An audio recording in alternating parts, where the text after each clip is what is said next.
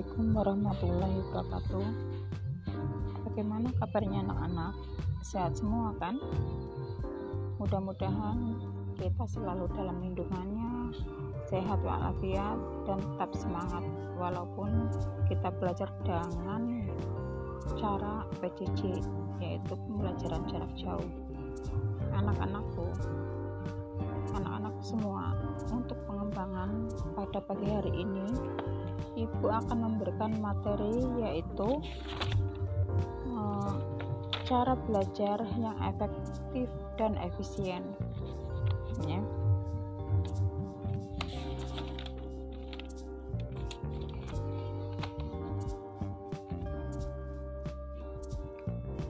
Belajar bagi para pelajar adalah sebuah kewajiban sebagaimana predikat kalian sebagai pelajar Belajar yang baik tentunya harus belajar dengan baik.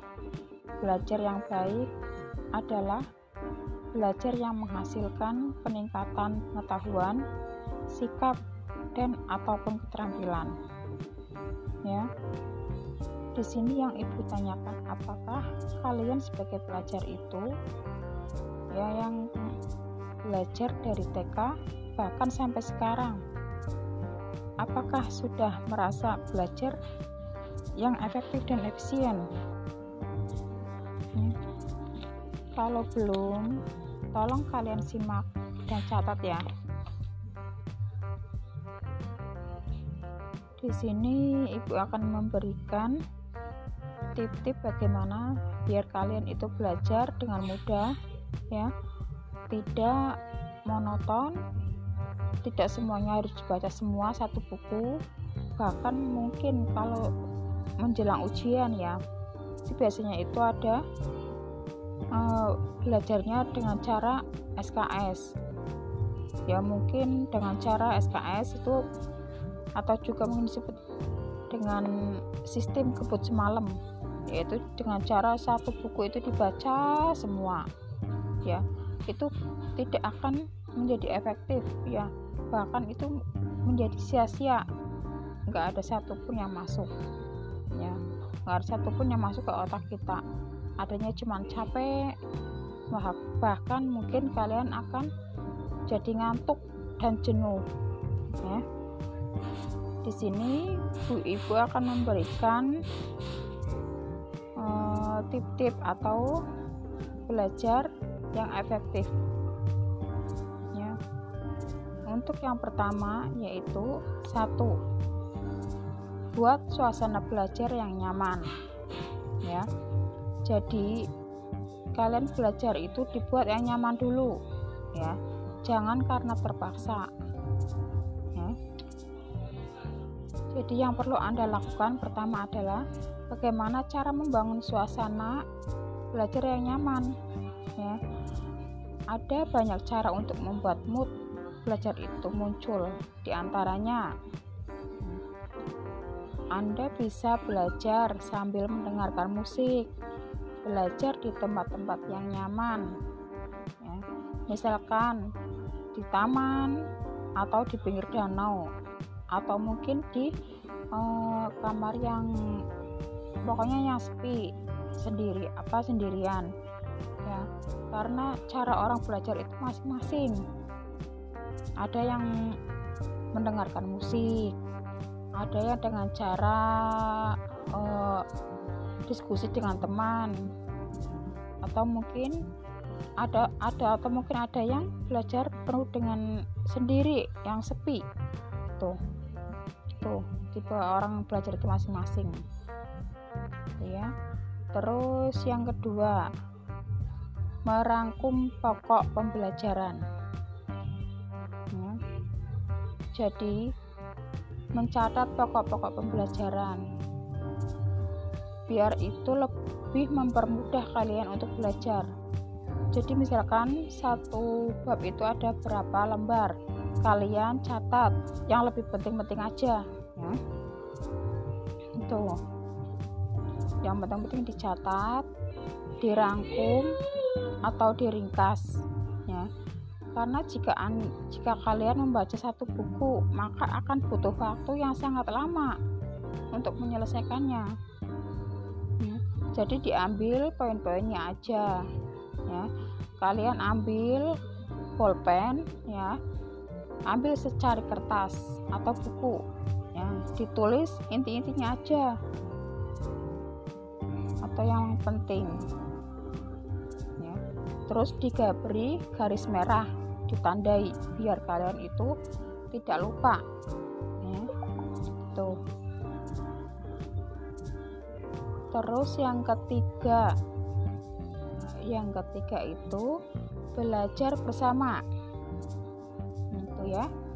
E, metode ini sering kali dikatakan metode yang paling efektif. Karena dalam suasana belajar berkelompok yang cukup santai otak menjadi lebih rileks menerima pelajaran atau materi yang akan diserap. Ya jadi sistemnya itu diskusi ya. Saling menanyakan eh, hal-hal uh, yang penting ya. Antara misalkan satu kelompok itu ada empat orang atau lima orang itu bisa. Tapi jangan terlalu banyak. ya. Maksimal lima orang atau enam orang lah itu bikin kelompok. Jangan sampai 10 nanti kalau melebihi yang lebih banyak itu pasti tidak akan efisien. Bahkan mungkin akan hanya akan ada uh, ya tuh jadi jangan banyak-banyak. Itu uh, maksimal 6 lah jadi bikin kelompok. Jadi saling mempertanya saling bertanya. Tuh. Terus untuk yang keempat. Yang keempat metode mempersingkat atau memodifikasi menyerupai nama sesuatu. Metode ini digunakan bagi beberapa orang yang kesulitan dalam menghafal dengan cara menggunakan nama-nama yang hampir mirip untuk mengingat materi ini. Ya, jadi ini sangat efektif untuk digunakan dan otak sangat mudah mengingatnya. Tuh.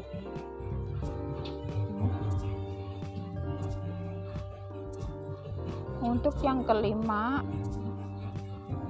belajar dengan cara praktik. Belajar dengan cara praktik ini, ya, belajar sambil praktek adalah hal yang sangat efektif. Jadi, cara belajar ini juga akan membuat kalian tidak merasa bosan. Ya, jadi tidak monoton tidak monoton hanya uh, belajar belajar terus tetapi diimbangi dengan cara praktek. Tuh.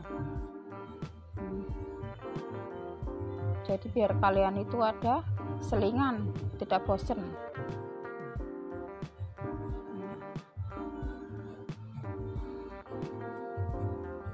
Seperti belajar saat pagi itu nanti diimbangi dengan praktek untuk yang keenam belajar rutin tapi tidak jangan tapi tidak terlalu lama ya. Jangan terlalu lama. Belajar rutin tapi tidak terlalu lama. Itu yang keenam ya. Dengan rutin belajar kalian akan semakin mudah untuk mengingat hal yang sudah kalian pelajari ya jadi apa yang kalian pelajari itu diulang diulang dan diulang terus ya. Jadi sistemnya itu jangan dihafal tapi dimengerti dipahami itu akan lebih mengena di otak kita.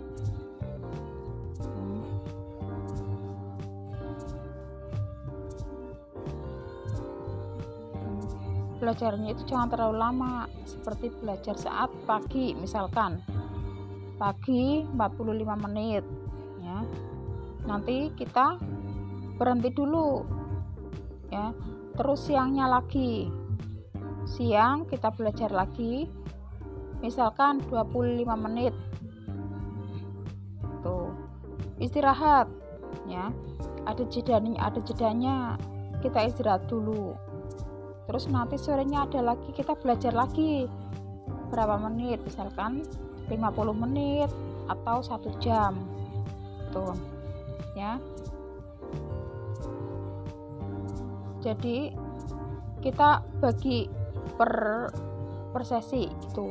Jangan terlalu monoton belajar terus itu malah tidak efektif ya. Jadi harus ada jedanya pagi berapa menit siang berapa menit nanti malamnya berapa menit itu seperti itu. Dan ini akan ya akan sangat efektif dan pikiran juga akan tetap dalam keadaan rileks daripada harus belajar terlalu lama. Ya, terlalu lama dan mungkin akan menjenuhkan kalian. Terus yang ketujuh yang ketujuh mengerti bukan menghafal. Ya, mengerti bukan menghafal. Gitu. Jadi hal yang sering kita lakukan bagi kalian ya sebagai siswa ya uh, ketika ingin menghadapi ujian adalah menghafal yang tadi Ibu sebutkan di atas yaitu dengan cara sistem SKS tuh ya sistem kebut semalam. Jadi satu buku itu dibaca terus. Dibaca sampai akhirnya kita jenuh dan akhirnya ngantuk. Tuh itu tidak akan efektif sama sekali ya. Tapi sebaliknya kita belajar dengan cara dicicil ya. Dicicil dicicil dengan cara setiap hari. Itu akan lebih mengena di otak kita.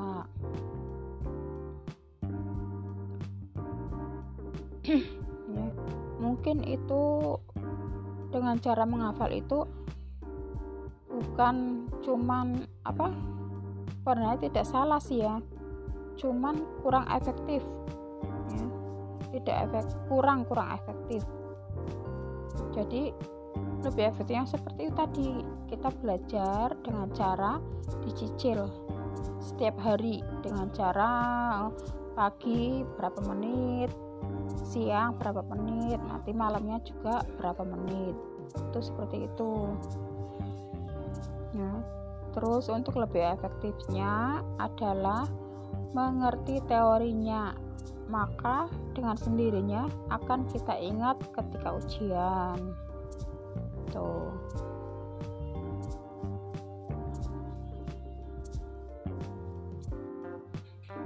ya. Itu materi yang Bufat sampaikan untuk pekan ini ya. Tolong dicatat ya tadi cara-cara belajar yang efektif dari awal sampai dari awal sampai akhir yaitu tadi ada tujuh ya ada tujuh cara belajar yang efektif dan efisien. Ya.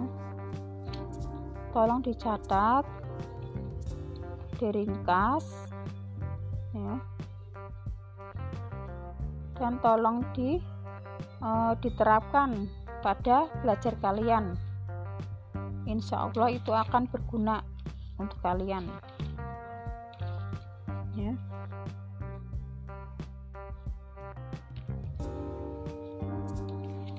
Ya nanti insya Allah pekan depan kita uh, kita ketemu lagi dalam materi yang lain lagi ya.